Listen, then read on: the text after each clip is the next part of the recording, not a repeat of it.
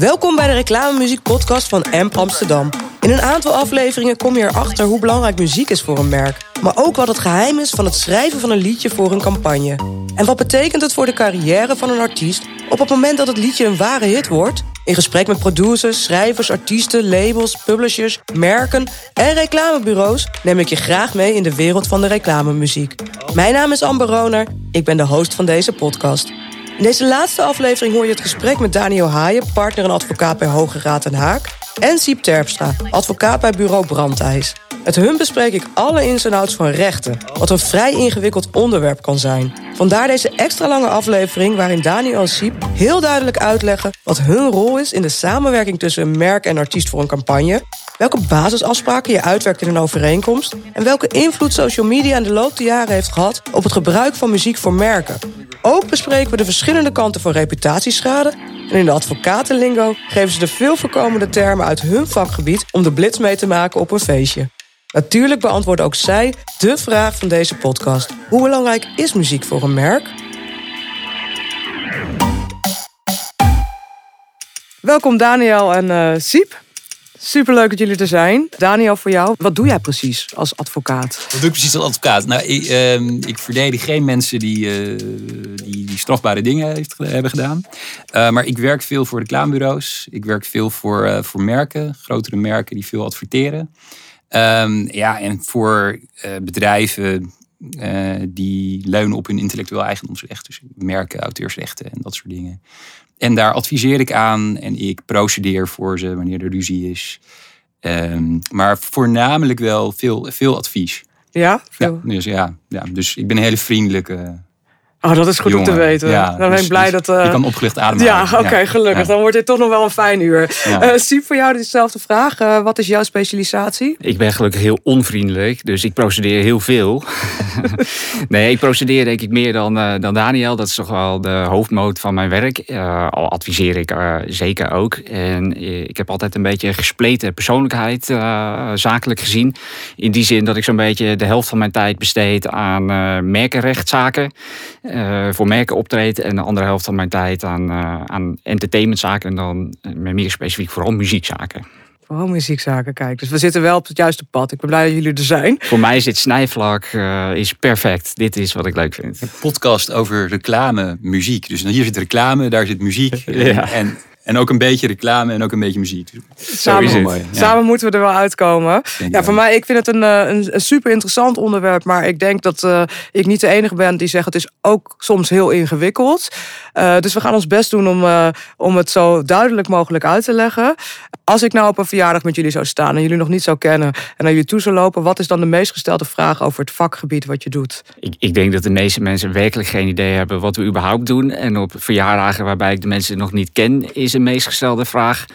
Uh, of ik wel een moordenaar zou kunnen of willen bijstaan. Uh, dat is nou precies wat Daniel net zegt. Dat doen wij dus niet. Wat voor verjaardagen kom jij? ja, dat valt reuze mee. Dat is helemaal niet zo gek. Maar veel mensen hebben toch het idee bij advocaat van... oh, oh dat is iets met, uh, oh, dat is met Moskovits en zo, toch? Dat soort dingen. Strafrecht. Strafrecht, ja, dat doen we dus helemaal niet. Maar kijk, waar ik altijd heel veel moeite mee heb... is kort en bondig uitleggen waar, waar ik me nou wel mee bezig hou. Want het is ook niet zo makkelijk. Maar als je het heel kort moet zeggen, dan is het vaak dus inderdaad uh, optreden namens een merk tegen iemand die inbreuk maakt op dat merk, bijvoorbeeld. Of in de muziekwereld doe ik uh, soms plagiaatzaken, maar voornamelijk eigenlijk uh, stukgelopen samenwerkingen, gewoon conflicten tussen bijvoorbeeld bandleden onderling of DJ's met managers, nou, boekingskantoren waar problemen zijn, noem het maar op, dat soort dingen. En conflicten, is het dan ook uh, de rol om te mediaten? Of is het ook echt, kom jij pas kijken als er echt een, een zaak is? Vaak is het wel zo dat ik pas om de hoek kom op het moment dat er echt een conflict al is ontstaan. Uh, is in die zin wel onderdeel van onze rol. Dat we altijd proberen, en dat moeten we ook als advocaat, om een schikking uh, te bereiken. Dus vaak is het ook zo dat beide partijen veel beter af zijn als ze het onderling kunnen oplossen en het niet een, eh, een rechtszaak wordt met moddergooien en alles erop en aan. Maar uh, nee, het is wel vaak zo dat mensen bij mij komen als er al een conflict is. Maar wat ik ook heel veel zie, is dat mensen daarna blijven hangen met bijvoorbeeld adviesvragen. Oh ja, ja. Wat je eigenlijk net ook al zei. Advies geven. Ja, dus, dus bij mij is het een beetje andersom eigenlijk. Dus ik, ik word al vaak best wel vroeg betrokken in een proces. In, bij bijvoorbeeld het maken van een reclamecampagne. Uh, vaak wel in de pitchfase. Uh, om eens te kijken van, nou ja, wat, wat, wat is nou eigenlijk het concept dat we willen pitchen? Zie je daar haken en ogen aan? En dan kan ik het een beetje in goede banen leiden. Ehm, dus dat, dat, dat, en het is ook wel leuk. Hè? Weet, je, weet je, juristen en advocaten die hebben de reputatie dat we een soort van um, neezeggers zijn. Van ja, een, iets waar je langs moet of zo. En ik vind het de grootste voldoening is gewoon dat je bijvoorbeeld een, een, iemand van een reclamebureau die, die, die op, op mij afkomt en zegt van jij luister, uh, we willen dit doen, maar dat zal wel niet kunnen, want ik zei, ik zei Z. En ik zeg, joh, waar heb je het over man? Als je dit en dat doet, dan kan het gewoon. Dat is echt tof. Weet je, dan kun je gewoon uh, dan kun je iets mogelijk maken. Dus dat vind ik wel leuk. Um, ja, en conflicten doe ik ook wel, maar dat, dat is, uh, dat is ja, wanneer, het, um, wanneer het fout gaat. Vaak ben ik dan niet vanaf het begin betrokken geweest. Kijk, daar gaat het Reclamemakers. Ja. Um, maar, maar, maar goed, in ieder geval, er, er, kan natuurlijk iets fout gaan, ook met intellectuele eigendomsrecht of iets dergelijks. En ja, dan, dan ben ik er ook voor ze. Ja, ja. Ja, de podcast heet uh, Reclamemuziek. Uh, vanuit uh, verschillende kanten belichten we dit onderwerp. maar in de voorbereidingen lieten jullie mij duidelijk merken dat jullie allebei ook echt uit de muziekwereld komen. Jullie zijn allemaal... Dat is een beetje street credibility, hè? ja, ja, ja, maar ik wil het toch even laten, ik wil het toch even droppen, want je moet wel heel veel van muziek houden toch om het vak op deze manier in te vullen. Ja, ja ik denk dat het een voordeel is als je het heel erg leuk vindt uh, van huis uit al. Dan maakt het uh, dat, je, dat je dit vak echt na aan het hart gaat, zal ik maar zeggen. En dan, dan vind je het veel leuk om mee bezig te zijn. En ik heb ook het idee dat je het allemaal wat beter begrijpt. En dat het dus ook makkelijker levelen is met de mensen met wie je werkt. Als je daadwerkelijk interesse hebt in de business waarin zij zich begeven. Omdat je het veel beter snapt en veel beter begrijpt. En voor mij persoonlijk is gewoon mijn muziekachtergrond helpt enorm, merk ik. Uh, als ik muzikanten of producers of DJ's bijsta omdat ik snap waar ze het over hebben. Ik snap alle technische termen. En ik kan ze dan ook nog een beetje vooruit helpen met hoe het juridisch allemaal uh, werkt. Maar je hebt al wel die, die leveling dat je weet waar het over gaat. En dat helpt altijd enorm, is mijn gevoel. Ja. Dat kan ik me goed voorstellen. Ik zal verder niet uitweiden. En, um, nee, we, alsjeblieft niet inderdaad. We gaan niet. Uh, nee, we zullen niet de filmpjes in de show notes zetten. Doen we niet. Nee, oké, okay, gaan we niet doen. Gaan we, niet we gaan het niet doen. doen. Nee. Maar uh, Google zelf maar even. Maar ik ben er wel heel trots op op die tijd hoor. Dus ik ben er helemaal niet bang voor om daar iets over te zeggen. Want, uh, Is dit een Mexican standoff? Ja, zeg maar, als, jij, als ik het niet erg vind, vind jij het ook niet erg. ik, had, ik had altijd een plan A vroeger. Dat was om een bekende rockster te worden. En uh, ik moest een plan B hebben voor als plan A niet zou lukken. En ja, plan B is dan die rechtenstudie geweest. Precies, dan maar rechten. Dan oh, maar rechten, zo heb ik dat gezien, ja. ja, ja. Fantastisch. Hey, even uh, terug naar het onderwerp. Want ja, als je kijkt naar uh, een reclamecampagne, hoe ziet jullie rol er dan uit? Wanneer worden jullie gebeld? Ik begin even bij uh, Daniel. Vaak vanaf, uh, vanaf een heel vroeg stadium. Ik zit ook wel eens met, bijvoorbeeld met creatie uh, samen om gewoon maar, iets te bedenken om een of ander regeltje heen. Zodat we, uh, zodat we ervoor kunnen zorgen dat een bepaald concept in leven blijft. En dat, we dat, dat, dat gepitcht kan worden. Of dat er gewoon dat er iets ge, gemaakt kan worden. Dus vrij vroeg. Um, ja, kijk, bijvoorbeeld mijn kantoor heeft ook een soort van helpdesk. Uh, waardoor uh, bureaus die, ja, die bellen ons aan de lopende band met vragen over van alles en nog wat wat speelt in de reclame. Het kan met muziek te maken hebben, maar ook met portretrechten of merkenrechten of van alles en nog wat. En, en, en op die manier worden we ook uh, betrokken. En, ja, zo. Kun je een voorbeeld geven? Laten we eens beginnen met uh, het merkenrecht. Uh, waar, wat is een, een, een veel voorkomende vraag? Op, op het gebied van merkenrecht? In, in reclamecampagnes, um, nou, dat gaat ook over vergelijkende reclame bijvoorbeeld. Je, je hebt een, een supermarkt die wil een reclame maken, die wil met de supermarkt B willen ze vergelijken. Hè? En dan, uh, ja, dat, dat is een behoorlijk ingewikkelde eh, regelgeving. Um, en dan moet je wel, daar zitten wel wat haken en ogen aan. Dan kan ik ze adviseren over hoe je een vergelijkende reclamecampagne goed insteekt, zodat je geen gezeur krijgt.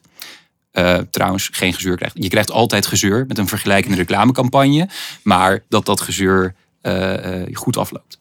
Dat, uh, en dan, dan heeft het met en, en, het, en het merk, ja, hoe is het merkenrecht daarin betrokken? Hè? Vergelijkende reclame. Nou ja, je zult misschien um, je concurrent expliciet willen noemen. En dat mag ook gewoon. Uh, je mag een concurrent expliciet noemen en het merk van de concurrent expliciet noemen. Zolang je maar niet misleidt, zolang je maar niet uh, die concurrent te veel afzeikt, zeg maar, zolang je het een beetje lichtvoetig houdt en niet te veel te grimmig wordt, dan is het gewoon allemaal mogelijk. Maar ja, je moet wel door een paar hoepels springen en daar kan ik bij helpen. Oké, oké. En als je kijkt naar het uh, portretrecht, uh, wat is daar een, een, een veel voorkomende aanname van de merken voor wie je werkt of de bureaus voor wie je werkt? Um, nou, op zich, bureaus die zijn, die zijn wel vrij goed op de hoogte van ja, de, van wat lastige dingen rondom het portretrecht. Je kunt niet zomaar iemand gebruiken in een reclamecampagne ongevraagd. Um, hoewel er uitzonderingen zullen zijn. Um, ja, misvattingen daarover. Ik denk wel dat er, dat er vaak bureaus, dat er, dat er wel eens bureaus zijn die dan denken van nou, laten we superbekende ultraster uh, X, die gaan we eens even gebruiken in een reclamecampagne. En dat doen we gewoon. En want want het is toch maar, we, gebruiken bijvoorbeeld alleen zijn naam. Nou, dit is dan niet portretrecht, maar wel een beetje aanverwant. We, we gebruiken de naam van een hele bekende persoon in een reclamecampagne. Um, en dan denken ze van, nou ja, als we een beetje, als we alleen de voornaam doen bijvoorbeeld, of alleen de achternaam, dan zijn we toch in de kleer, zoiets. Ja, dat is niet waar. Um, dus en bovendien heb je wel ja, heb je een vrij groot risico daar. Want als het fout gaat, de marktwaarde van zo'n uh, van zo'n ster is hoog. Dus dan loop je tegen hoge schadevergoedingen aan. En daar probeer ze dan wel een beetje voor te behoeden. Van ja, jongens, misschien moeten jullie even, uh, even nadenken. Misschien het kleren of, uh, of nadenken over een andere creatieve invulling. Ja, dus het mag niet daadwerkelijk verwijzen uh, naar een bekende persoon. zonder dat eerst overleg te hebben. Mm, ja, en zeg maar gewoon Jan met de pet in reclame kun je ook niet zomaar doen Um, omdat het publiek zou kunnen denken dat Jan met de pet het aangeprezen product ondersteunt. dus dat je, uh, dat je denkt van ja, ik zag jou in een, in een Rabobank eh, commercial en nou wat leuk, je vindt Rabobank dus, uh, dus oké. En als, als zo'n persoon dat helemaal niet oké vindt en er helemaal niet mee eens is, dan is dat een privacybelang uh, op basis waarvan je kan verzetten. Ja. Maar wat je vaak natuurlijk ook wel ziet, is uh, uh, situaties waarin merken het gewoon regelen van tevoren. Hè. Gewoon de toestemming uh, regelen van artiest X of sporter Y. Om te zorgen dat die mee willen werken aan een reclamecampagne. En als je het specifiek hebt over muziek in reclames. dat wordt soms ook gecombineerd met het gebruik van het tonen van het portret van, van de desbetreffende artiest. een voorbeeld daarvan is bijvoorbeeld Snelle, die voor Interpolis campagne heeft gedaan eh, daar worden gewoon hele duidelijke afspraken mee gemaakt met zo iemand. Uh, en onderdeel daarvan zijn afspraken over dat hij optreedt in een reclame. Of dat, hij, dat zijn beeldenis gebruikt mag worden in bepaalde informatie over die reclame. Dus uh, er wordt vaak ook wel gewoon over nagedacht in het maken van een campagne. Van hey, moeten we moeten of kunnen we niet samenwerken met iemand die ons merk dan gaat uitdragen. En dan worden daar gewoon afspraken over gemaakt. Ja. Als jij met een, een artiest wil samenwerken. Ik kan me voorstellen dat dat vroeger wat minder vast lag als tegenwoordig. Omdat we tegenwoordig natuurlijk veel meer gebruik maken van de social media. En artiesten zijn ook zelf echt merken geworden. Uh, zijn er een aantal basisafspraken die je maakt met een artiest? Ik denk dat echt basisafspraken eh, die bijna bij alle eh, contacten van belang zijn, die zien onder andere op hoe lang duurt het. Hè? Dus uh, hoe lang mag ik bijvoorbeeld een campagne laten zien? Als je het specifiek hebt over een reclamecampagne en muziekgebruik daarin. Maar ook uh, mag het alleen maar above the line of ook below the line. Dus mag het printed media, mag het op televisie, mag het online. Zo ja, welke, welke, uh, binnen welke jurisdictie mag het dan? Dus geografisch gezien, is het alleen in Nederland deze campagne of is het Europees of wereldwijd? Dat zijn afspraken en uiteraard heel belangrijke afspraken over de vergoeding. Vergoeding. ja. Maar er kwam het woord. Ja, ja moest de vergoeding. Dat is waar iedereen op aanslaat. Ja. Dat is uiteindelijk, en daar moeten we ook eerlijk over wezen. Veel artiesten die vinden het prachtig om voor bepaalde merken te werken. Maar als ze er niet voor betaald zouden krijgen, zouden ze het niet doen even die, die mogelijkheden daar gelaten als het gaat om samenwerken met NGO's of goede doelen. Dat is natuurlijk een iets ander verhaal. Maar voor het overige, uh, als Interpolis sneller niet zou betalen, dan zou sneller niet voor Interpolis hebben opgetreden. Nee. Zo kun je het ongeveer wat. Laten we eerst even nog een stapje teruggaan. Want als je kijkt naar het maken van een campagne, welke partijen als het gaat om, om rechten, uh, muziekrecht, portretrecht, uh, auteursrecht, welke vergeet ik merkrecht, welke partijen zijn er allemaal betrokken bij het maken van een campagne? je hebt natuurlijk het bureau, je hebt de klant, je hebt een, een mogelijk een artiest die daarin die in figureert, of een acteur of nou, een bekend persoon, toch wel vaak. ja, en mogelijk merkhouders nog extern, zeg maar, um, die, die daarin zitten. Uiteraard ook ja, zogenaamde third-party rights holders. Dus mensen van nou, je kan denken aan stokbureaus of zo, als er stokmateriaal wordt gebruikt, dat soort dingen. Dat komt er ook, dat komt ook in de mix allemaal. Siep. Ja, als je specifiek, ja, aanvullend daarop, ik bedoel, dat klopt allemaal. En als je specifiek kijkt naar muziekgebruik in, in reclamecampagnes, dan heb je heel vaak te maken met de artiest zelf om te beginnen. Vrijwel altijd met management, uh, die erbij betrokken zal zijn. Uh, vrijwel altijd een publisher, dus een muziekuitgever, die bijna altijd betrokken zal zijn. Uh, vrijwel altijd een label die betrokken zal zijn. Uh, uh, tegelijkertijd heb je aan de achterkant ook te maken met Buma Stemra en mogelijk ook Sena. Dus voordat je het weet zit je al zo met een partij of vijf, zes minimaal aan tafel om het allemaal een beetje van de grond te krijgen. En dat is dan bij alleen nog maar als er één artiest betrokken is. Mhm. Want bij verreweg de meeste nummers tegenwoordig, zeker het hitmateriaal tegenwoordig wordt geschreven, zijn er meer, meerdere schrijvers uh, betrokken, meerdere componisten betrokken, meerdere producers betrokken, die allemaal vaak ook nog eens hun eigen publisher hebben, hun eigen labels hebben, die ook allemaal betrokken zijn. Ik heb toevallig uh, vandaag nog even naar een voorbeeld zitten kijken van hoe dit zit met de rechtenverdeling bij een bekend nummer uh, van Justin Bieber, Sorry. En als je daarbij kijkt naar wie er allemaal betrokken zijn, dan heb je alleen nog iets van vijf of zes schrijvers die allemaal hun eigen publishing uh, hebben. Minimaal één publisher, maar meestal meer. Alles bij elkaar zit je met een partij of twintig die betrokken is bij alleen dat nummer. Dus wil je Sorry van Justin Bieber in je reclamecampagne gebruiken, dan heb je van al die partijen hun goedkeuring nodig. Precies, dat is wel de pro-tip. Regel gewoon clear, uh, clearance van al die partijen. Ja, uh, ja. Uh, maar dat maakt het dus wel heel lastig als je, als je, als, of als je in, een, in een reclamecampagne bestaand materiaal wil gebruiken. Je moet langs al die partijen om hun akkoord te krijgen. En er hoeft er maar één tegen te zijn en, en je bent weg. Ja, maar ik zit ook even zo, ik moet er een heel klein beetje van grillen. Dat ik denk, als het zoveel partijen zijn, dan kan er alleen maar conflict op sta, ontstaan. Eh, ik bedoel, het is eigenlijk best wel bijzonder dat dat dus zo vaak eigenlijk goed gaat. Ja, dat zou je beide zeggen. Maar geld doet een hoop wonderen. Hè. Laten we daarmee beginnen. Dus als er gewoon voldoende betaald wordt, dan waarom zouden mensen daar dan uh, tegen zijn? Dat is een beetje. Maar goed, het kan bijvoorbeeld altijd zo zijn om maar gewoon een voorbeeld te bedenken. Stel je, je, je, je bent met meerdere schrijvers van een nummer. En één iemand is een diehard vegan. Ik noem maar even wat. Maar McDonald's die, klok, uh, die klopt aan en die zegt: Ik wil jullie nummer graag gebruiken. En uh, vijf van de zes bandleden zeggen: Prima, McDonald's, dikke zak met geld. Uh, daar moeten we voor gaan. Maar de diehard vegan die zegt, ja, ik ben daar gewoon pertinent op tegen. Dan heb je dus geen akkoord. En dat kan zeker zo gaan. En dat gebeurt dus in de praktijk ook wel eens. Ja. En uh, dan? Wat, wat, wat, wat, wat, wat gebeurt er dan? Want dan wordt het nummer niet gebruikt, wordt het nummer nagemaakt of gaan we verder zonder dat ene bandlid? Nee, in principe als je dus gewoon niet de toestemming hebt van alle betrokkenen die rechten kunnen uitoefenen daarop, dan heb je gewoon het nummer niet en dan zul je dus op een andere manier moeten oplossen. En dat betekent over het algemeen gewoon andere artiest kiezen, ander nummer kiezen. Uh, dat is de meest eenvoudige weg.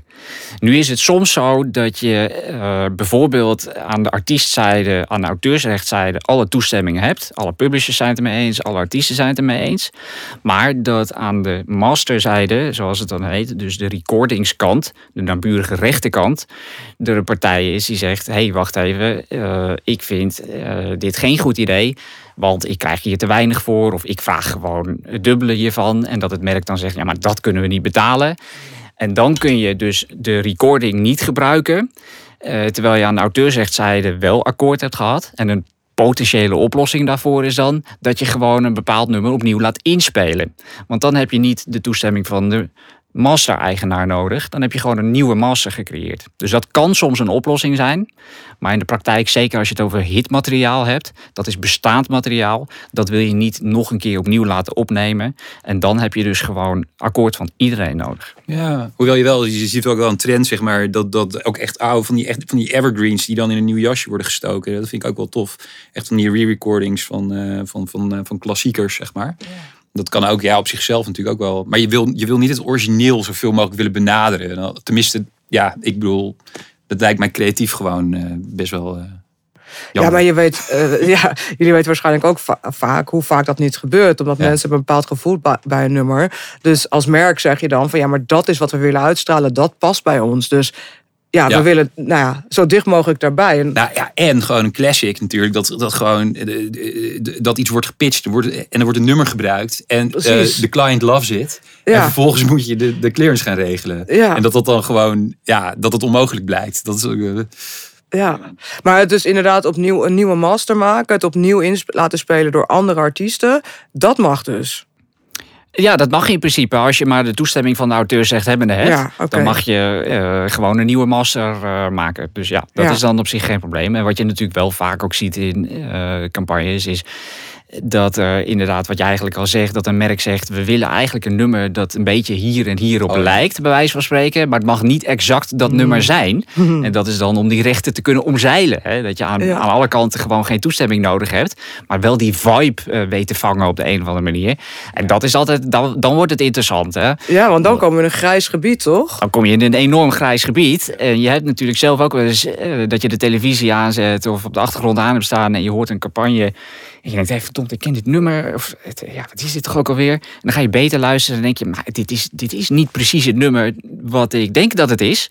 Maar het is wel de bedoeling dat jij denkt dat het dat nummer is. Dat Nou ja, is het hele idee. Nou, precies. En wat jij net, eh, Daniel, wat jij net zei van hè, dat je eh, eh, in een reclame doet alsof je een bepaalde BN'er of een naam van iemand of hè, dat je dat is eigenlijk een beetje hetzelfde, want je wil wel de suggestie werken dat diegene achter jouw merk staat. Dus je wil eigenlijk de suggestie wer- werken dat dat nummer en dat gevoel dus bij jou past.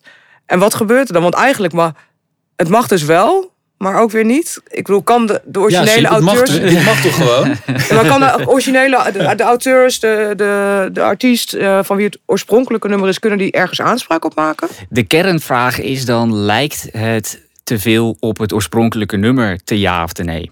Hè, En als het echt ruim voldoende afstand neemt, dan zit je niet meer in het grijze gebied en is het oké. Maar Ik zit echt met twee advocaten. ja, Nee, nee, nee, is- nee, het ja, is maar- nog veel erger. Weet je, je, je hebt je, die, een van de, die urban legends waar ik het over had over in, in, in reclame. Dat is bijvoorbeeld als je met vijf maten afwijkt. Dan ben je in de kleer. Dan maak je sowieso geen inbreuk. Weet je wel? Zo, dit, dit- dat hoor ik serieus wel eens. Ik hoor serieus wel eens gewoon. Dit hoor ik nog altijd. Hoor ik af en toe voorbij komen. Mensen, het is bullshit. Dat is niet waar.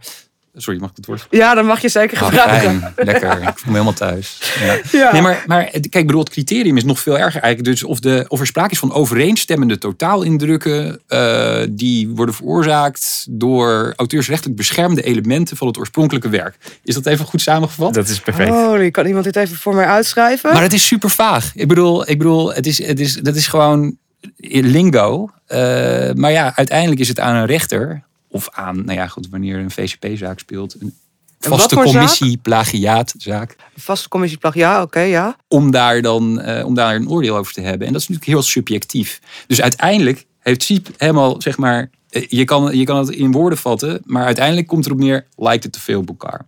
Ja. En is En het, daar gaat dan uiteindelijk de rechter over. Uiteindelijk gaat de rechter daarover, of inderdaad de vaste commissie plagiaat. Dat Ja. is bij een, een commissie van Buma Stemra, waarbij je kunt klagen dat je vindt dat iemand inderdaad jouw nummer heeft nagemaakt ten onrechte. Eh, maar het is, eh, die doet hetzelfde als wat een rechter zou doen als je naar de rechter zou stappen. Namelijk kijken, lijkt het te veel op elkaar? Eh, maar het is wel heel vaak zo dat partijen zich dan laten bijstaan door deskundigen, zoals muzikologen. Eh, dus die zullen wel iets gaan zeggen over waarom het inderdaad te veel op elkaar lijkt als je de ene partij bijstaat. Of waarom het helemaal niet op elkaar lijkt als je de andere partij bijstaat.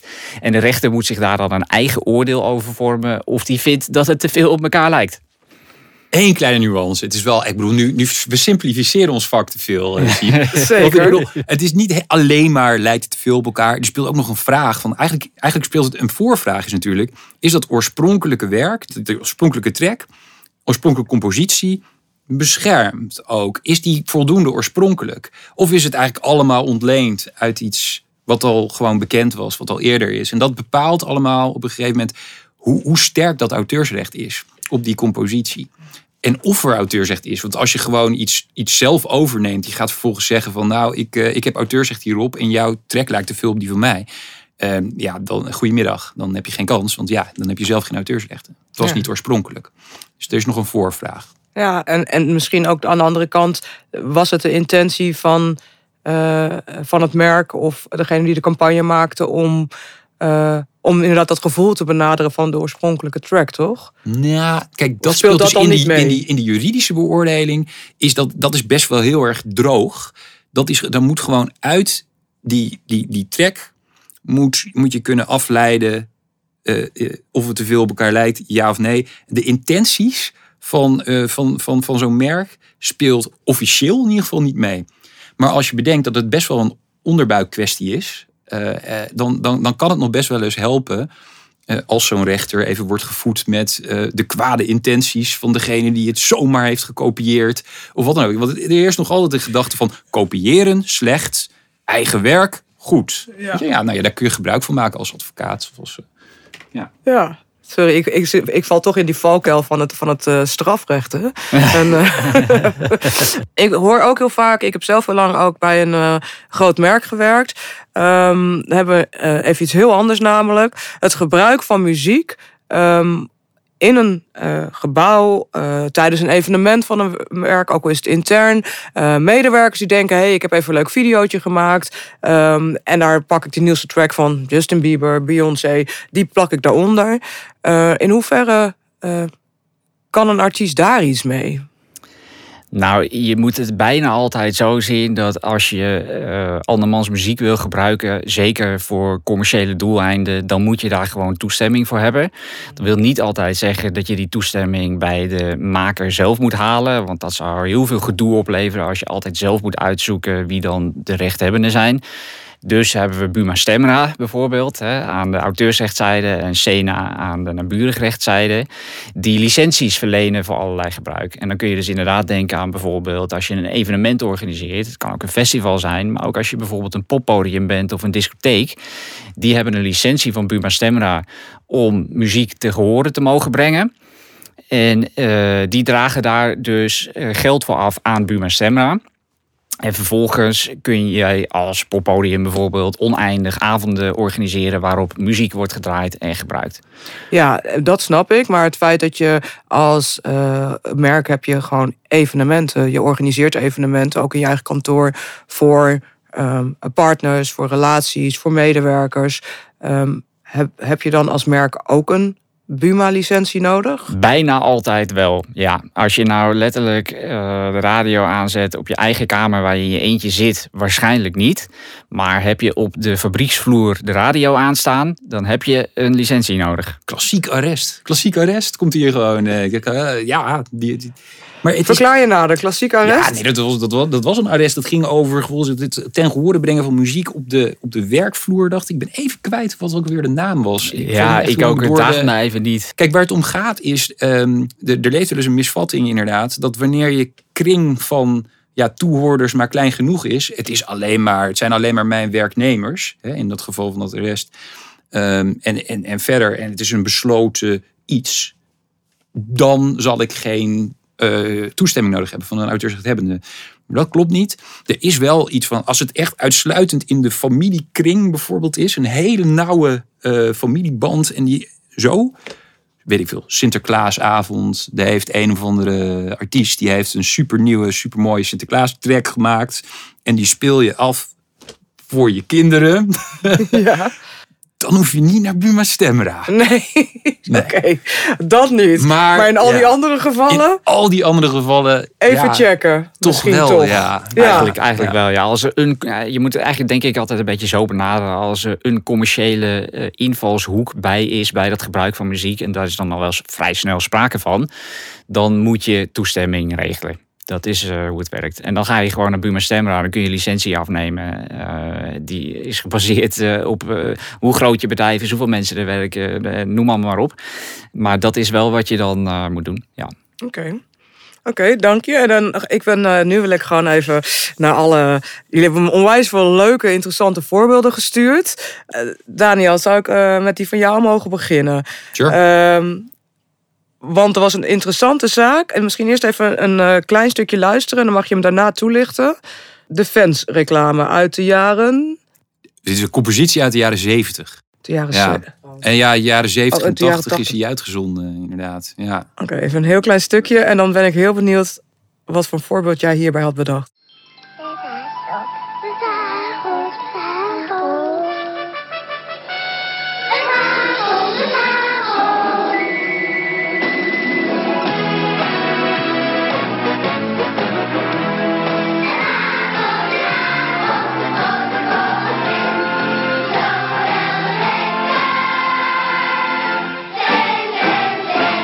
Ja, hier zijn we denk ik eh velen van ons mee opgegroeid. En je kan hem zo weer meezingen. Eh, maar er is daar iets niet goed gegaan bij deze reclame van de hagelslag. Ja, klopt, klopt. Ehm, en dit is een zaak, hier kan ik zo lekker over praten, want ik ben niet betrokken geweest als advocaat bij deze zaak. Dus ehm, ehm, dat is mooi. Ehm, dit, was, dit was een geval in, eh, in 2012. ehm, was er een geschil tussen de, de, de schrijfster van deze compositie, althans van de tekst in ieder geval. Het hagelt, het hagelt, grote korrels fans. Daar, daar, daar ging het erom. Dat was eigenlijk een bewerking van een oud kinderliedje. eh, het regent, het regent. Uh, pannetjes nat. Hè? Ja. Iedereen kent hem. Ehm, en eh, het probleem was daar, zij had het geschreven als freelancer. In de jaren zeventig bij een, eh, bij een reclambureau. Eh, en en eh, nu had je Heinz, eh, een, een, de eigenaar van Fans. En die wilde dat liedje opnieuw gaan uitzenden in zeg maar, de jaren. Nou ja, dus, dus in 2012, 2010 was het ook alweer uitgezonden. 2012 ook weer. Ehm, het was daarvoor in de jaren 70 en 80 was het, was het veel gebruikt. Ehm, en zij hadden gekeken in de catalogus van Buma en Stemra. Van nou ja, wie, is dan de, wie zijn de rechthebbenden hier? En er stond een rechthebbende stond daarin. Maar dat was niet die mevrouw die dat geschreven. Ehm, dus zij dachten van, nou ja, we, gaan, we, we hebben gewoon we hebben toestemming van Buma Stemra. We kunnen, hier, eh, we kunnen hier mee aan de slag. We hebben de juiste mensen benaderd. Ehm, maar ja, vervolgens werd het uitgezonden. En toen kwam er een briefje van deze mevrouw. Die zegt van, ja, eh, hoe, hoe, hoe ga ik delen in dit succes? Eh, Echt? ja, ja. en op zich bleek, er is nog wel terecht, want ehm, zij bleek in ieder geval, wat, wat in die procedure naar voren kwam, was dat ze toch in ieder geval de tekstschrijver was. Eh, en dat ze ook wel een auteursrecht hard kon maken op die, eh, op die tekst. Ja, dat stond verkeerd in, het, in de titelcatalogus van Buma en Stemra. Vervolgens is dat dan weer overgedragen. Nou, een moeilijk verhaal. En zij bleek in ieder geval dus de rechthebbende. Ja, en daar moest dus Heinz, die moest daar wel, die moest daar iets mee. En wat Heinz toen heeft gedaan, die hebben gewoon geld overgemaakt. van tevoren, voordat dat kort geding diende. Ik geloof 6000 euro uit mijn hoofd, dacht ik. Dat ze gewoon hebben overgemaakt van Pats eh, naar die mevrouw. En eh, nou, eh, nu niet meer zeuren, we gaan, we gaan gewoon uitzenden. Maar die mevrouw die zette door. En die kwam samen met Buma Stemra kwam ze op voor haar rechten. En kreeg dus uiteindelijk wel gelijk. En, en hij mo- moest toch nog wel wat meer betalen. dan die 6000 euro die ze al hadden betaald. Dus ja, kijk, wat hier een beetje misging. Want, en daarom vind ik die zaak wel interessant. Heinz, ja, ze, ze hadden op zich goed gekeken. In, in, en, en bij Buma en Stemra eh, toestemming gevraagd. Maar dat bleek allemaal niet helemaal correct te zijn. En toen wilden ze toch doorgaan en zetten toch door. En ja, dan, dan loop je wel aan tegen hoe hard en hoe sterk eigenlijk dat auteursrecht is. Van zo'n mevrouw die dat heeft geschreven en gewoon zegt van... ja luister, ik wil het gewoon niet, tenzij je me voldoende betaalt. Ehm, en ja, kon hij Maar die, wel- ja. die commercial die was, al, eh, die was dus al overal te zien. ja, En eh, Ja. daarna kwam zij dus van... hé, maar dat is eigenlijk mijn tekst. ja, Wilde zij dat die überhaupt niet gebruikt werd? Of wilde ze daar inderdaad voor betaald worden? Ze wilden er gewoon voor betaald eh, Ja. krijgen. En, en, en eh, dat werd dus ook wel geroepen door, door Heinz, door fans. Van, joh, het enige belang wat jij hier hebt is een geldelijk belang. Een financieel belang. En dat is echt niet voldoende voor een verbod. of iets dergelijks. Maar die rechter die was daar toch wel vrij stevig in. Die zei van, ja goed, het auteursrecht... Is, het is de bedoeling van het auteursrecht is nou juist dat makers betaald krijgen voor hun werk. Eh, ja, en dat roept die mevrouw hierin. Dus die kreeg gelijk. Ja. En het is ook een beetje toch het beeld van David en Goliath. Je bedenkt je misschien wel tien keer voordat je het tegen een groot merk op wil nemen, toch?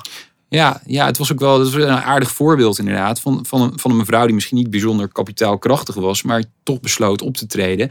Let wel, ik bedoel, in dat soort zaken is het nog best wel link als je naar de rechter gaat. Want als je ongelijk krijgt in een zaak over auteursrecht, dan moet je de volledige proceskosten van je tegenpartij betalen.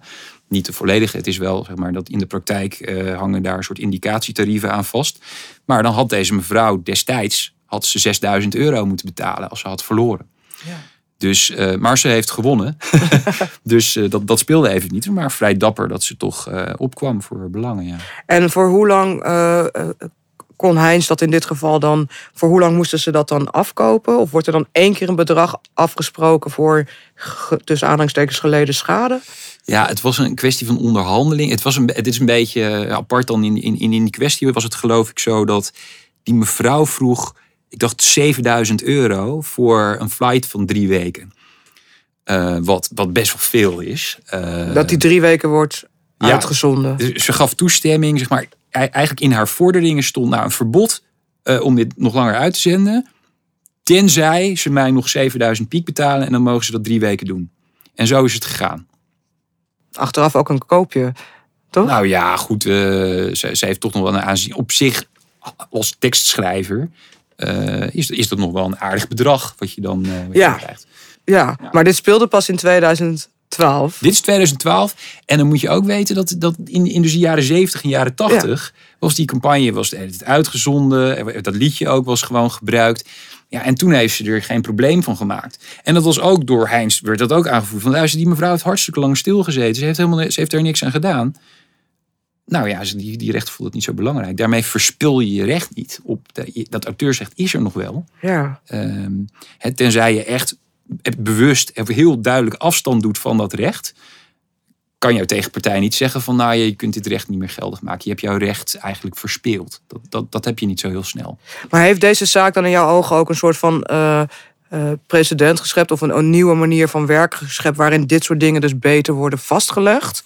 Nou, ik bedoel, het is niet, dit is niet een zaak zo van die in de juridische wereld werd besproken als maar een, een enorme zaak. Ik denk dat het wel een zaak is die men eraan herinnert van oeh, let, let goed op. Let goed op dat je, dat je je zaken goed kleert. Dat je gewoon uh, dat je dat goed doet. En wat er dus kan gebeuren wanneer iets verkeerd staat in een titelcatalogus, maar dat het dan toch uh, verkeerd kan gaan. Dat je, dat je niet je eigenlijk nooit helemaal op rozen kan wanen. Nee, maar een mooi voorbeeld van inderdaad auteursrecht en hoe dat werkt. En dat je dus altijd moet checken. Ja, jij had ook een hoop uh, voorbeelden, uh, Siep. Waar, uh, wat wil jij graag als eerste bespreken? Iets positiefs? Of... ja, laten we iets positiefs doen. Dat is leuk. Oké, okay, nummers die, die een hit werden... naar aanleiding van een reclame... Dus zo kan het ook werken voor artiesten. José González. Ja, dat is een heel leuk voorbeeld, denk ik. Ja, gaan we daar ook even een klein stukje van luisteren. En dan ben ik heel benieuwd waarom jij dit voorbeeld hebt meegenomen.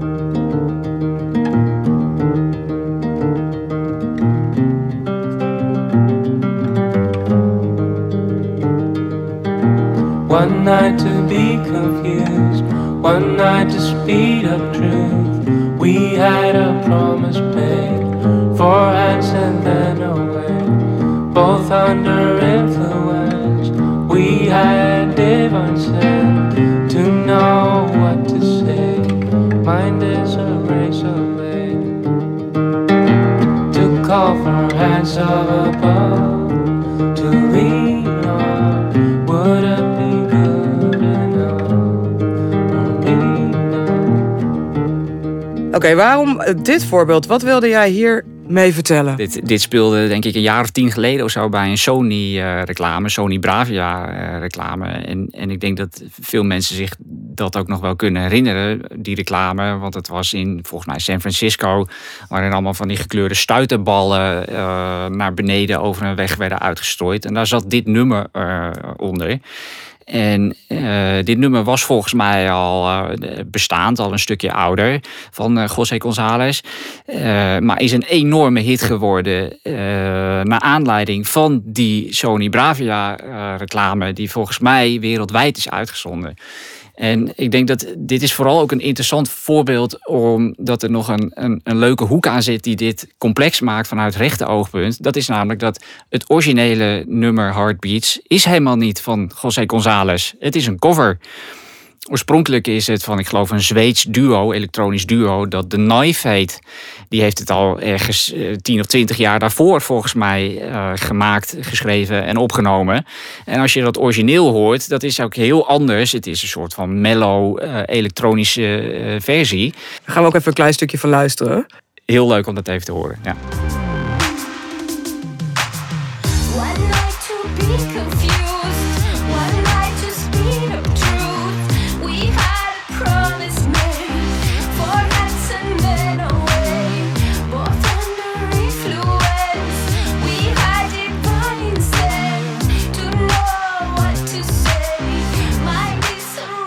Een hele andere versie. Maar wel hetzelfde nummer. Zo is het. En wat maakt het dus vanuit rechten oogpunt zo interessant? Dat uh, bij zo'n soort campagne moeten dus heel veel rechten gekleerd worden, zoals Daniel ook al zei. Want je hebt dus niet alleen uh, de goedkeuring van José González zelf nodig, uh, die het nummer heeft ingespeeld. Maar je hebt zeker ook goedkeuring van zijn label nodig, die het nummer waarschijnlijk heeft uitgebracht. Maar je hebt dus ook de uh, goedkeuring nodig van de oorspronkelijke auteursrechthebbenden. En dat is dat Zweedse duo die dat nummer heeft geschreven. En dat zal dus ook allemaal zo geregeld zijn. En wat ook interessant aan is, is van ja, oké, maar en wie verdient hier dan dus uiteindelijk allemaal aan? Want dat zijn dus ook heel veel verschillende partijen. En dat zijn dus ook die twee Zweedse oorspronkelijke schrijvers, die gewoon voor, voor de toestemming die ze hebben gegeven voor het gebruik van die campagne betaald zullen hebben gekregen, maar die ook nog eens betaald krijgen op het moment dat die reclame op televisie wordt uitgezonden overal. Want dan moet afgedragen worden aan Buma Stemra. Ja. En uh, Buma Stemra die ziet dan, hey, wie is de schrijver van dit nummer? Nou, dat is dus niet José González geweest, maar dat zijn die twee Zweedse mensen geweest. En die krijgen dan voor die openbaarmaking van die reclame betaald. Dus zij zijn, ondanks dat helemaal niemand hen echt, bijna niemand hen echt kent, en iedereen José González inmiddels wel kent, zijn zij degene die hier waarschijnlijk het meest rijk van zijn geworden van deze reclame. En maakt het dan ook nog uit dat je um, in welke landen dat uh, dan wordt gebruikt onder een reclame? Zeker, dat is onderdeel dus van die afspraken die je maakt als merk met een artiest. Dat je afspreekt in welk land mogen we dit überhaupt uitzenden. Uh, dat is een van de kernafspraken. En vervolgens is het ook nog eens zo dat als het dan inderdaad in die landen wordt uitgezonden, dan zullen de lokale landen over het algemeen, maar soms is dat alleen Buma Stemra, maar anders dus haar zusterorganisaties in het buitenland, die zullen incasseren voor die openbaarmaking van die reclame. En die zullen die gelden dan doorbetalen naar de organisatie waarbij die twee Zweedse mensen zijn aangesloten. En dat is waarschijnlijk dus de Zweedse Buma Stemra. Ja. En die keert het dan aan hen uit. Dat is de manier waarop gaat. Ja. Dus even, uh, even samenvatten. José González die had eigenlijk een nummer gemaakt wat gebruikt is onder een uh, campagne, wat hij eigenlijk gecoverd heeft. daardoor werd het een hit, waardoor het ook veel meer gedra gedraaid werd en kreeg hij dus geld voor het gebruik daarvan. En vervolgens kwamen ze erachter, ja, maar het is van iemand anders. Dus die mensen die verdienen, de knife in dit geval, die krijgen dus ook nog geld voor hetzelfde nummer wat één keer gebruikt is. Ja, met die kanttekening dat ze het waarschijnlijk allemaal al wisten. Dus het is niet dat ze later pas daarachter ah. kwamen, maar ze dus- wisten al van tevoren van, hé, hey, wacht even, wij moeten dus de rechten hebben uh, gekleerd door José González, maar ook door de oorspronkelijke schrijvers. Dus het is volgens mij allemaal eh, van, van tevoren, tevoren allemaal goed geregeld, voor zover ik weet, bij deze campagne. Maar dat laat maar zien hoeveel partijen je dus dus eigenlijk mee te maken krijgt. En dan heb je het dus nog niet over alle mogelijke publishers en labels die er ook bij betrokken zijn geweest. Als die erbij betrokken waren, want in eerste instantie was het dus alleen het nummer voor de campagne, alles geregeld. Maar het feit dat het een hit werd, kan je van tevoren niet voorzien. Dat het een hit wordt, kan je van tevoren niet voorzien. Dat is helemaal waar. Maar je hebt wel de goedkeuringen vooraf nodig van al die partijen. Dus je moet al die partijen dan al te maken. Dat het dan een hit wordt, zorgt ervoor dat het een win-win-win-win-win situatie is. Want iedereen is hier beter van geworden. José uh, González kon op zoek naar die publisher en dat label. ja, nou die heeft natuurlijk... Het, grote belang voor hem is dat het is een hit geworden... naar aanleiding van die reclame. En zonder die reclame was zijn nummer misschien totaal onbekend, of zijn cover in feite totaal onbekend gebleven. En wat is dan de grote winst voor hem buiten het feit dat hij betaald heeft gekregen voor een campagne en dat hij betaald krijgt voor de openbaarmaking via Sena, noem maar op, is de grote winst voor hem natuurlijk geweest dat zijn naam heel bekend is geworden en dat hij daarna over de hele wereld kon optreden en dat iedereen zijn nummers wilde horen. Ja. Mooi. Zo kan het ook lopen als muzikant. Is dat een positief voorbeeld of niet? Ja, dat is een heel positief voorbeeld, toch? Ja, ja, zeker. Ja, zeker. Uh, we hebben nu het voorbeelden gehad uit, uh, uit het verleden ook. Uh, wat zijn eigenlijk de grootste veranderingen die jullie hebben meegemaakt in, in jullie werk als het gaat om, om, om rechten? Ja, ik, denk er is veel veranderd qua media. Die worden gebruikt natuurlijk. Social is natuurlijk enorm opgekomen. Social is wel echt een. Ehm, dus, dus online is niet, is niet meer wat het, wat het is geweest. Dus dan zie je ook dat, dat bijvoorbeeld vergoedingen voor online. die, die, die stijgen ook wel. En het, en het is gedifferentieerder. Je, je, je, gaat, je gaat bijvoorbeeld voor social apart, apart afdragen. Wat is, wat is, een, wat is een groot, uh, ja, grote wijziging? Nou, ook, wel, ook met social te maken misschien. Hè. De inzet van influencers ehm, is wel groot geweest. En wat dat allemaal teweeg heeft gebracht. Ook dat je, dat je bijvoorbeeld duidelijk moet maken als influencer, als merk, dat, dat zo'n influencer dat doet voor geld. Hè. Dus dat je uh, duidelijk moet maken dat iets reclame is. Wat, uh, en dat, dat is wel iets wat, wat ook weer terugkomt in veel contracten met acteurs en, en artiesten die optreden voor een merk. Als daar ook in wordt gevraagd om iets op social te doen, ja, dan zul je daar wel duidelijk over moeten zijn. Uh, en dat is eigenlijk wereldwijd, zie je dat in de, in de, in, in de reclamewereld, dat dat toch ook wel, dat, dat is er wel echt, ook echt bijgekomen. Um, maar dat lijkt me ook een hele ingewikkelde. Ja. En dan vooral als je kijkt naar uh, muziek. Uh, wederom het vrij gebruik. Uh, als ik een Instagram-post maak of een TikTok-post, kan ik kiezen uit allerlei soorten muziek. In fragmenten, want het zijn korte video's. Mm. Um, in hoeverre ziet de artiest of de auteur daar iets van terug?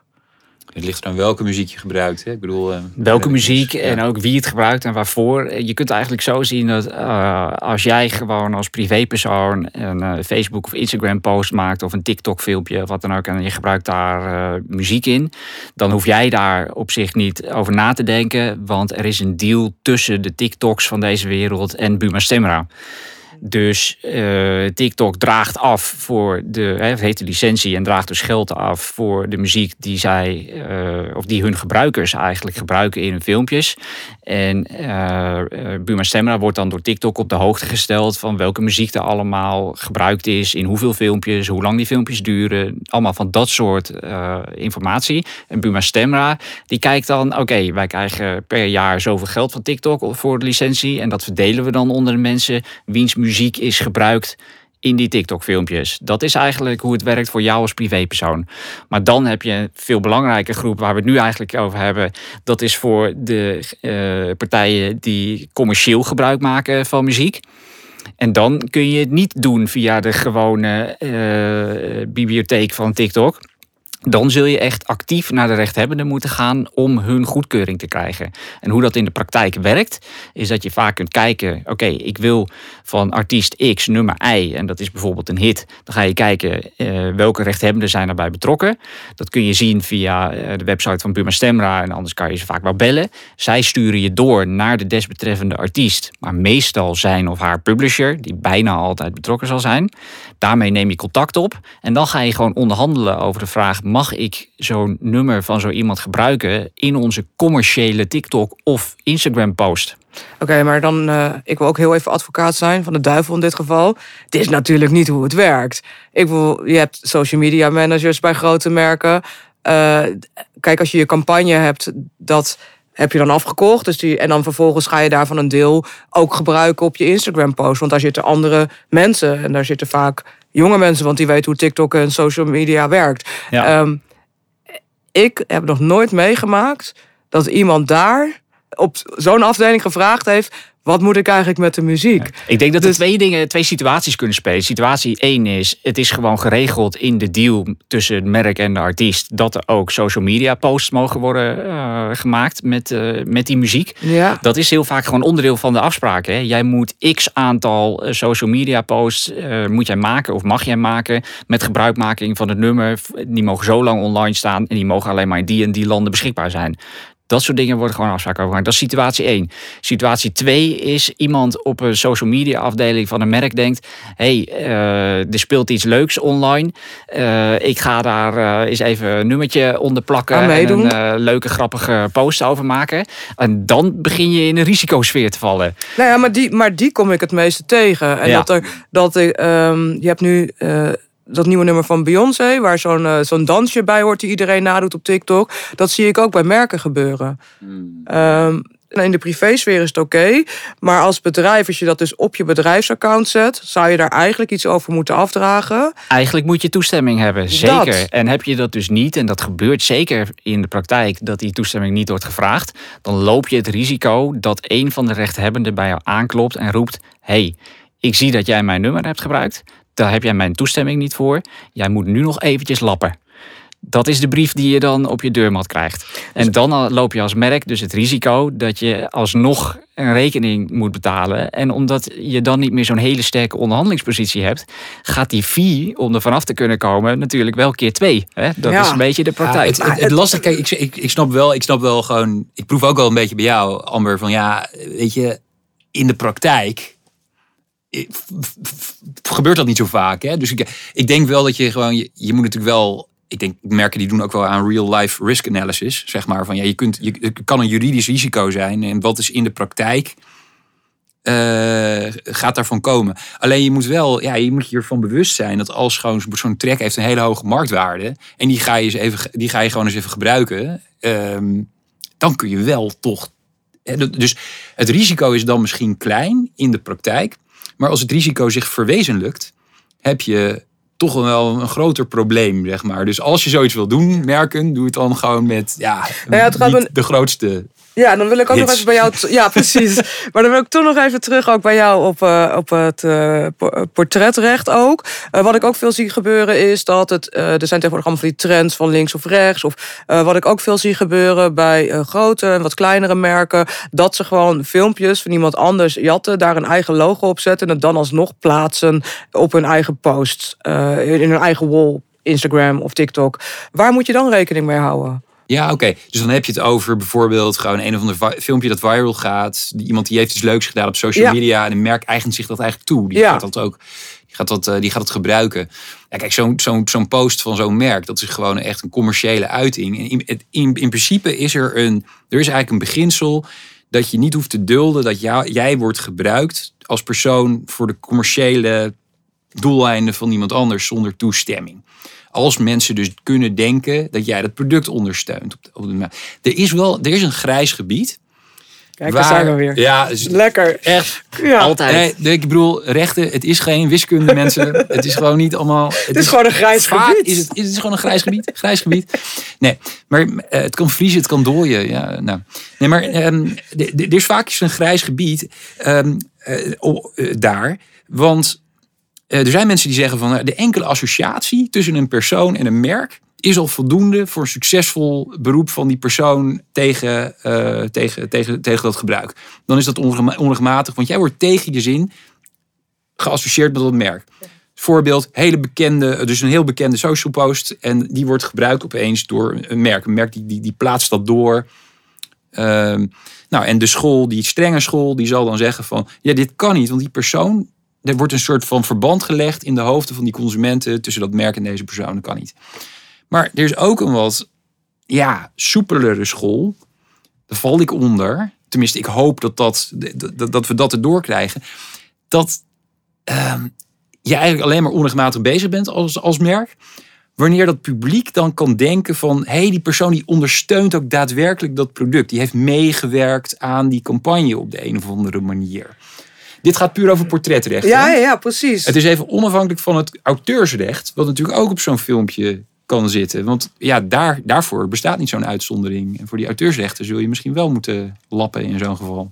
Eh, nou ja, wat, wat het meer misschien is de grote vraag die daarboven hangt. In hoeverre is het al, eh, is social media inmiddels, het is onderdeel van ieders bestaan, of van de meeste mensen. Eh, is dat al meegenomen in dit soort recht? Als voorbeeld, eh, ik noem een Bruno Mars. Eh, die heeft een, eh, op zijn eigen account een heel leuk Monday motivatie filmpje gemaakt. En ik werk op social media afdeling. Ik, we hebben elke maandag een filmpje met een mon- Monday motivation. Ik kwam deze van het weekend tegen bij Bruno Mars. Of vanmorgen, leuk, die ga ik reposten. Dus dan staat hij wel in het account van mijn bedrijf. Ehm, dit gebeurt aan de lopende band. Eh, Ja, I know. En het gaat ook aan de lopende band fout. Ja, dat precies. toch wel hoor, echt serieus. Nou, maar dat, in ik- hoeverre in, is in, dat? In, in Nederland, mm, risico's vaak, we zijn nog best wel schattig in Nederland. Kijk, in, er, er is geen soort van rechtsvacuum op social media. Op social media gelden precies dezelfde regels die offline ook gelden. Dat, zou je, dat kun je eigenlijk wel zeggen. Het is techniek onafhankelijk, media onafhankelijk. Maar um, voorbeeldje uit Amerika bijvoorbeeld. Catherine Heigl, uh, die, die, die, die werd, die werd, uh, er werd een foto van haar gemaakt. Ze kwam uit de Dwayne Reed, een soort drooggisterij daar. Met een tasje van Dwayne Reed. En, en vervolgens dat Dwayne Reed social team, die denkt van, hé, hey, dat is tof, dat, dat reposten we even. Weet je wel? Ik weet niet hoeveel miljoenen ze heeft gekregen met haar right to publicity claim daar in de Verenigde Staten. Maar het was niet, het was niet te doen. Dit wordt echt als voorbeeld gebruikt daar overal van. Oeh, pas toch ook vooral op met je real-time marketing, moest het daar dan noemen. Ehm, dat je je social team ja, goed instrueert dat ze dit soort dingen misschien niet moeten doen. In de dus in Nederland, in Nederland zijn denk ik de financiële risico's nou, nog kun je nog misschien enigszins beperkt noemen. En soms als het sympathiek is, weet je, je hebt, je hebt ook bijvoorbeeld, uh, je had uh, Pharrell volgens mij, die heeft ook op een gegeven moment, werd hij, um, hij had zo'n kenmerkende hoed. Weet je wel, op een gegeven moment. En er was een een of andere western uh, keten of zo. Die had een logo en dat leek daar een beetje op. En die deed een soort grappige post, zeg maar, verwijzend naar Pharrell Williams. Misschien ook wel met zijn beeldenis erbij. Nou, echt, dus iedere Amerikaanse uh, right to publicity advocaat, die, die hield zijn adem in van, oh, hier, nu komt hij. Maar Pharrell Williams die reageerde eigenlijk best wel tof. En van, hey, prima. En, met een, en hij was er heel relaxed over. Ja. Maar dit had goed fout kunnen aflopen daar. Dat, uh, dat, dat, dat, dat, dan weer wel. Maar ik denk dat het wel goed is om je te realiseren in het verlengde van wat Daniel zegt. Dat heel veel van dit soort gevallen leveren uiteindelijk niet een probleem op. Nee, dus het kan om meerdere redenen zijn. Bijvoorbeeld uh, iemand als Pharrell die zegt, nou ik het eigenlijk wel geinig. Uh, dan is het geen probleem. Maar in heel veel gevallen ze, zal de desbetreffende artiest het helemaal niet weten. Of er niet achter komen. Of het niet belangrijk genoeg vinden. En, weet je, in dat soort gevallen is er gewoon niet een probleem. Het is meer wat Daniel Daniel wel terecht aankaart. Je neemt wel een bepaald risico als merk als je dit soort dingen doet. En dat risico is gewoon dat als je toestemming nodig had en je hebt die niet gekregen. En je hebt dus toch iets openbaar gemaakt waar je de rechten niet voor hebt. Ja, dan moet je het waarschijnlijk of heel snel offline halen en nog iets regelen over hè, schadevergoeding voor het verleden. Of regelen dat je hem online mag blijven houden. Maar dan zul je ook iets moeten betalen. Ja, heel duidelijk. Um, ik wilde nog even naar een ander uh, iets toe. Wat je nooit kan vastleggen volgens mij, maar wat wel gebeurt. Um, reputatieschade.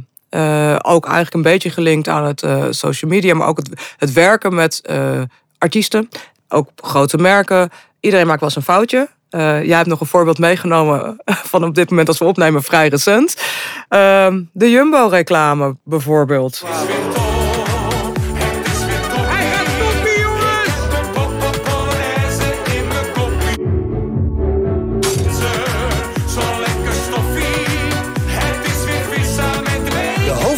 Van supporters. Spaar hem nu bij Jumbo. Ja, van het WK Qatar. Vertel, reputatieschade wanneer het gaat om het maken van een campagne en muziekgebruik. Nou, ik denk dat dat wel iets is uh, wat ik in de laatste jaren, recente jaren heb zien veranderen. Is dat daar toch veel meer aandacht voor is dan dat er altijd misschien al wel een beetje was hoor, maar het is veel belangrijker geworden. Uh, in de MeToo-tijd, uh, zal ik maar zeggen, dat uh, merken zich bewust zijn van het feit dat als ze een samenwerking aangaan met een artiest specifiek, dat het kan op een zeker moment toch blijken dat die artiest misschien dingen heeft gedaan die door de beugel kunnen, of dat hij daarvan beticht wordt. Nog even los van de vraag of het klopt.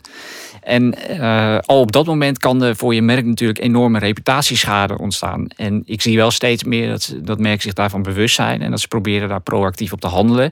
Zij het dat het wel natuurlijk heel lastig is om dit helemaal weg te regelen. Want ja, je, als je een deal aangaat met een artiest, dan doe je dat op een moment dat je denkt dat die samenwerking goed is voor allebei en dat die uh, artiest clean is, zal ik maar zeggen.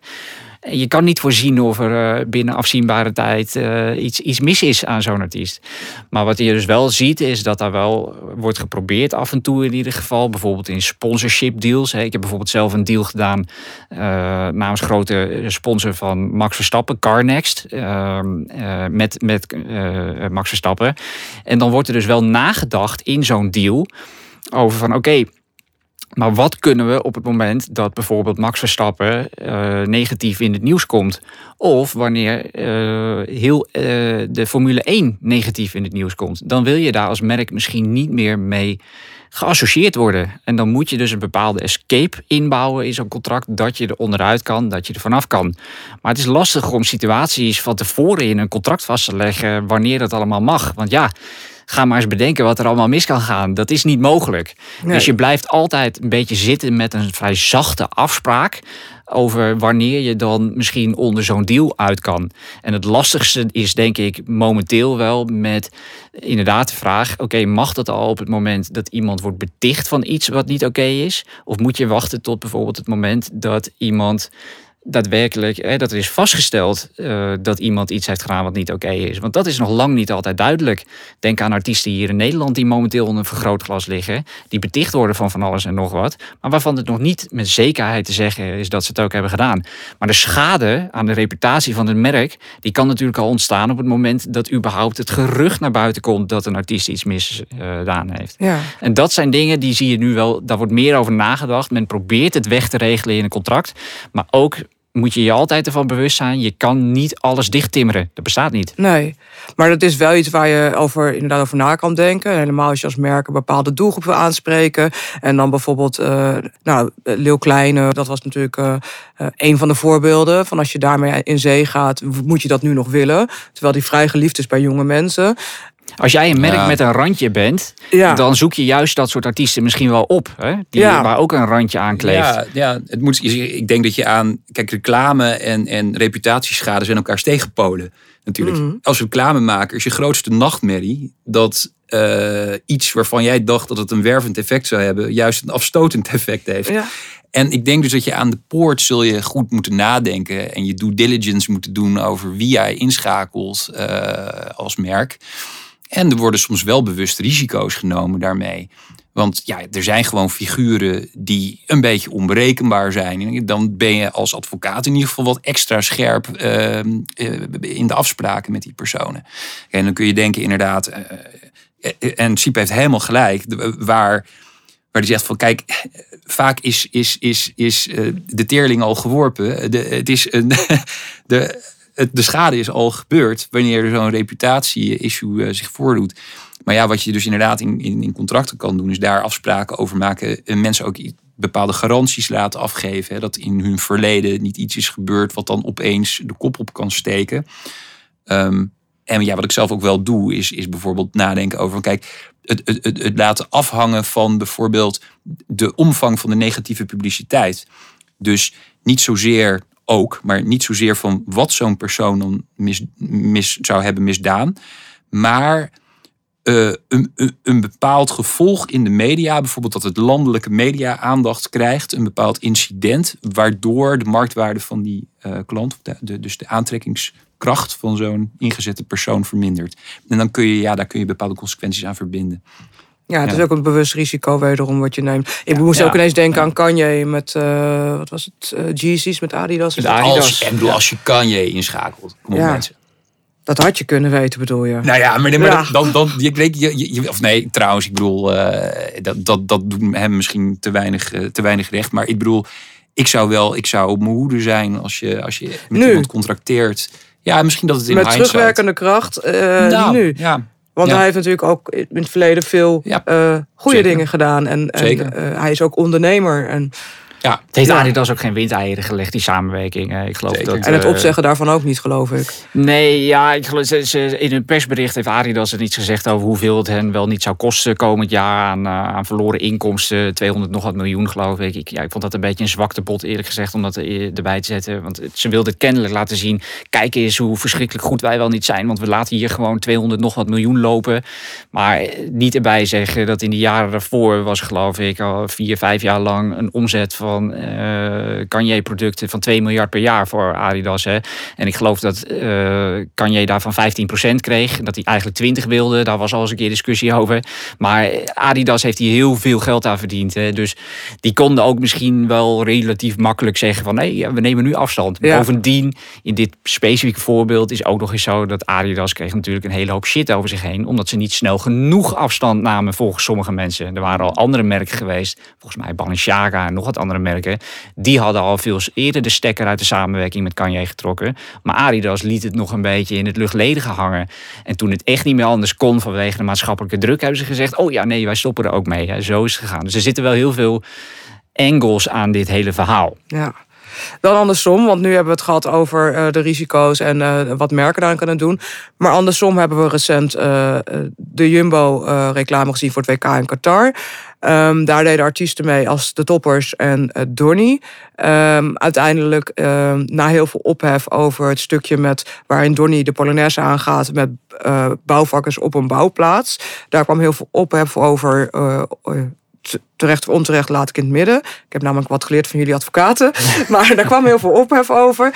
Um, dit kan uh, reputaties uh, zijn uh, voor artiesten als een Donny en de Toppers. Hoe kijken jullie daarnaar? Wat, wat, is, wat zijn de mogelijkheden van artiesten in deze? Ja, goede, goed punt. ik, ik denk dat je als artiest moet je uiteraard, net als, net als een merk, moet je ook goed nadenken over waar je je uh, bekendheid, uh, waar je je voor leent. Maar dat zit wel redelijk in het DNA van de meeste managements en artiesten om dat, om dat, om dat te doen. Uh, kijk, hadden ze dit kunnen voorspellen? Ik weet niet. Kijk, ik vind het een heel interessante incident, eigenlijk dit. Want ja, doorgaans zul je toch als artiest wel een script of een treatment uh, te zien krijgen uh, hiervan. Um, en, en, en, en dan kun je gaan nadenken. Maar het is, tegelijkertijd is het ook heel makkelijk om in hindsight te zeggen van... ja, dat dat niet is opgemerkt. Soms is in de flow van zo'n productie... wordt er eigenlijk gewoon heel weinig... Uh, ja, is er een blinde vlek. Ik vind het een heel goed voorbeeld van een, een blinde vlek... die kennelijk heeft bestaan bij een grote groep mensen...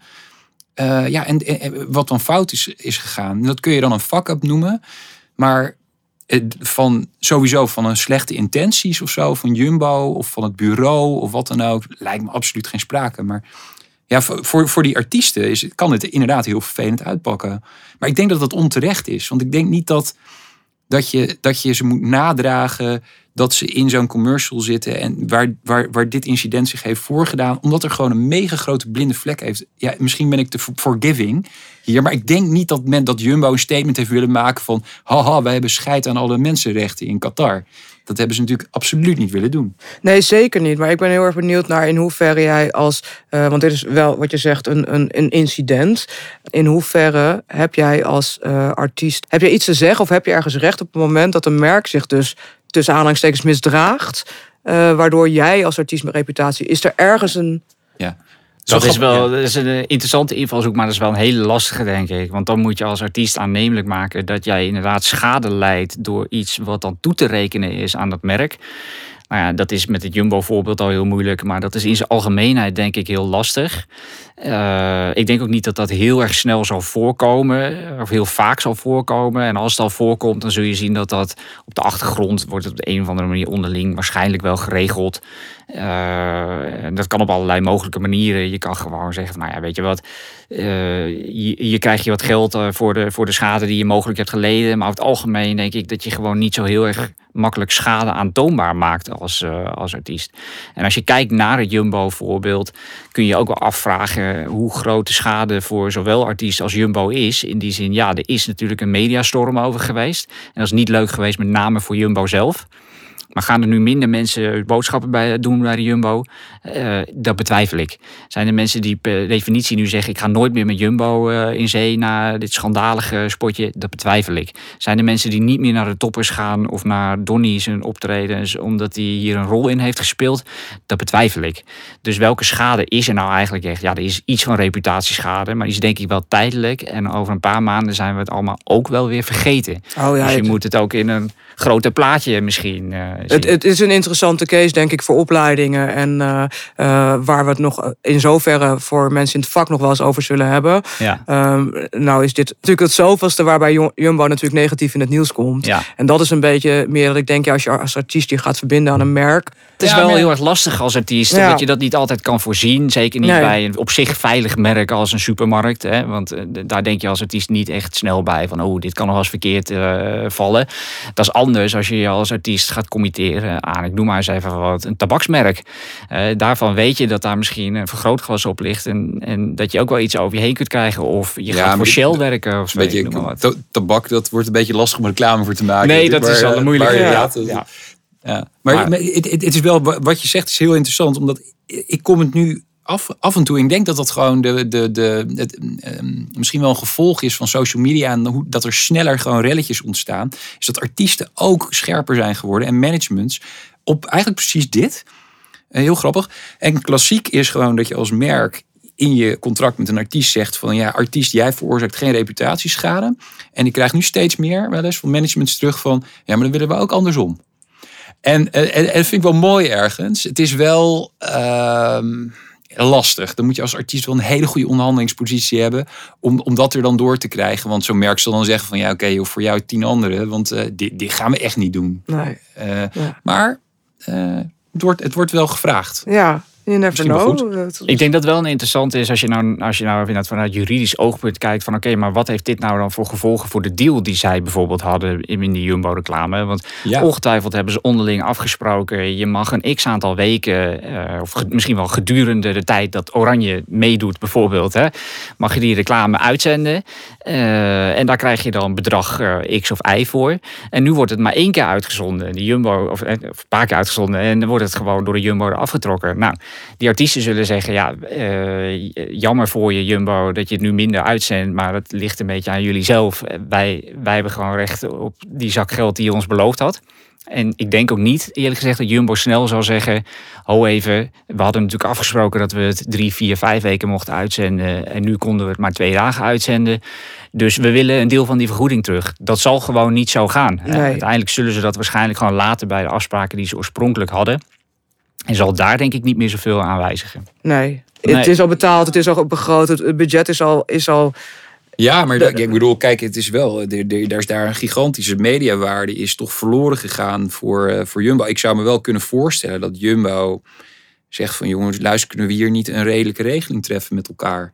Eh, we hebben het allemaal niet. nog? We hebben het, ja, ik bedoel, kijk, het hangt natuurlijk allemaal af. Hier is de juristentaal. De omstandigheden van het geval.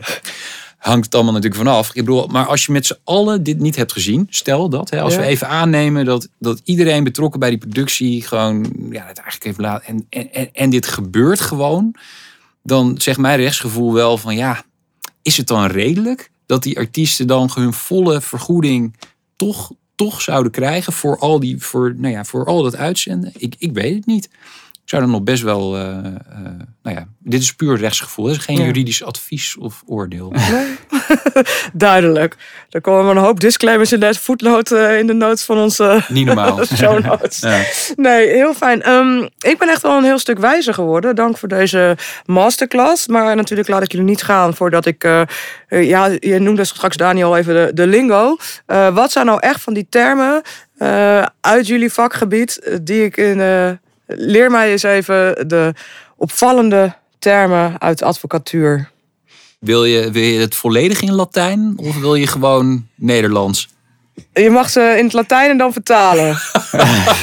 Kom ik dat tegen op het moment Nee, dat ik... je- ik denk dat je Latijn kom je eh, niet veel tegen. Behalve als je met jullie mailt, ben ik achtergekomen. Nee, maar dat, dat waren geintjes. Dat is gewoon om onze reputatie te bevestigen. Maar ik- dat- zetten wij niet in al onze brieven altijd. Alsjeblieft hoor. niet De facto en do- deo volente. Ik heb het drie jaar gehad, dus ik kon het nog een beetje volgen. oh my god. Maar eh, Gelukkig. lang leven Google Translate. Het is Nee. eigenlijk, weet je, dat dit is wel een, zeg maar, dit is een grappig vooroordeel wat leeft over advocaten. En sommige advocaten zullen inderdaad zo zijn. Maar ik denk dat Siep en ik allebei heel veel waarde hechten aan juist heldere taal, duidelijke taal. En dingen niet op een, ja, nou ja, goed. Nee, maar dat is goed gelukt, dus ik eh, ben daar heel blij mee. Oké, maar toch, dan moeten we toch even graven. We moeten met iets juridisch komen. Ja, is Nou ja, op dit onderwerp, reclamemuziek, muziek, muziekrecht, auteursrecht en eh, portretrecht onder andere. Wat zijn nou echt van die termen, dat als ik die volgende keer tegenkom of ik sta op een feestje met eh, advocaten of eh, Als je de blitz wil maken, kun je Ja, bijvoorbeeld graag. een soort de magische toverformule voor de beschermbaarheid van een auteursrechtelijk beschermd werk. Het, dat het het eigen oorspronkelijk karakter eh, heeft en het persoonlijke stempel van de maker moet dragen. Nu jij dus. Ja, dat is een hele goeie, want die onthoud je toch niet. Nee.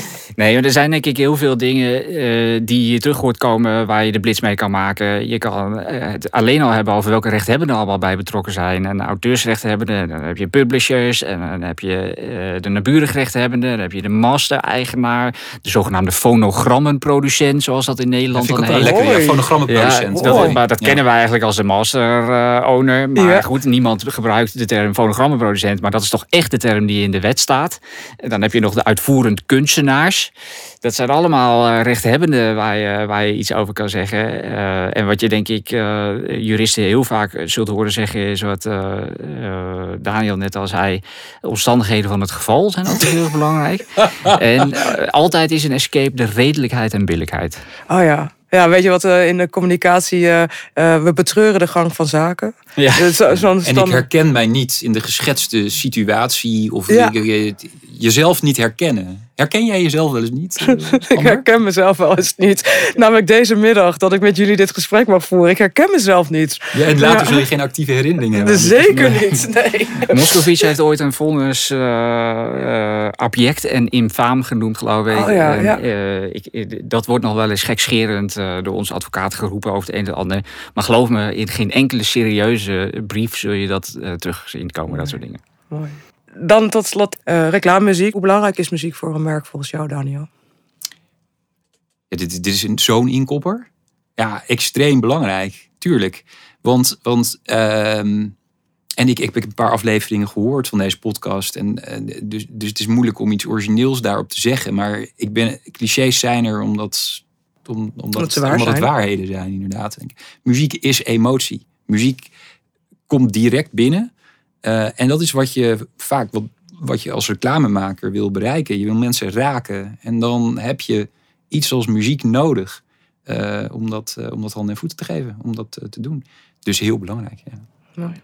Voor zie. Ja, helemaal eens. De vraag stellen is een beantwoorden. En er zijn niet voor niets partijen zoals AMP Amsterdam...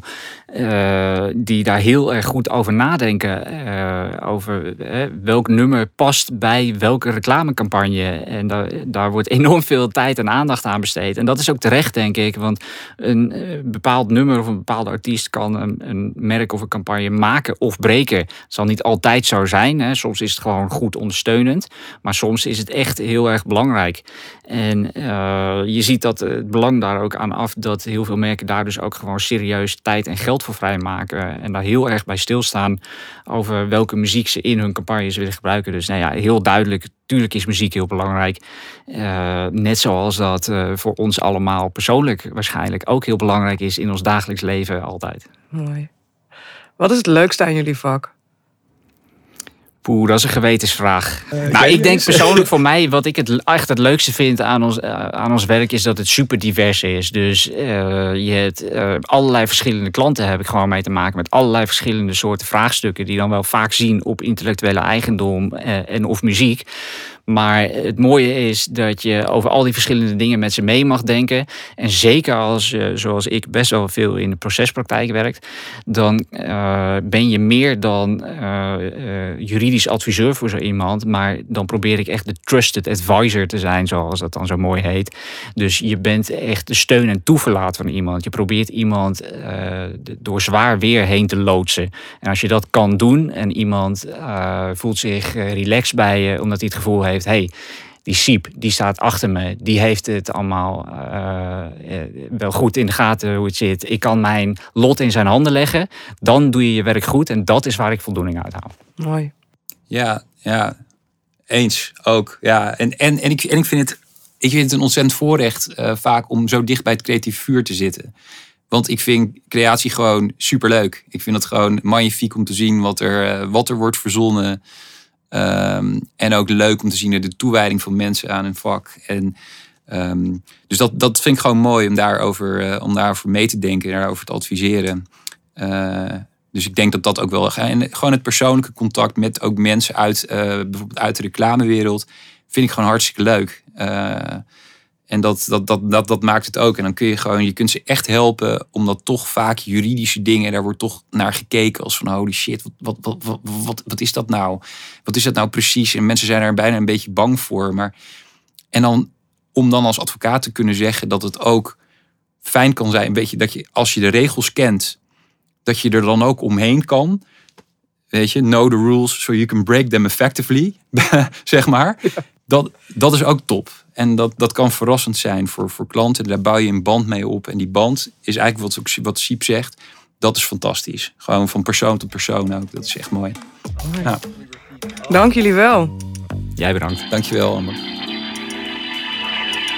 Dankjewel voor het luisteren naar de podcast van AMP Amsterdam. Graag tot de volgende.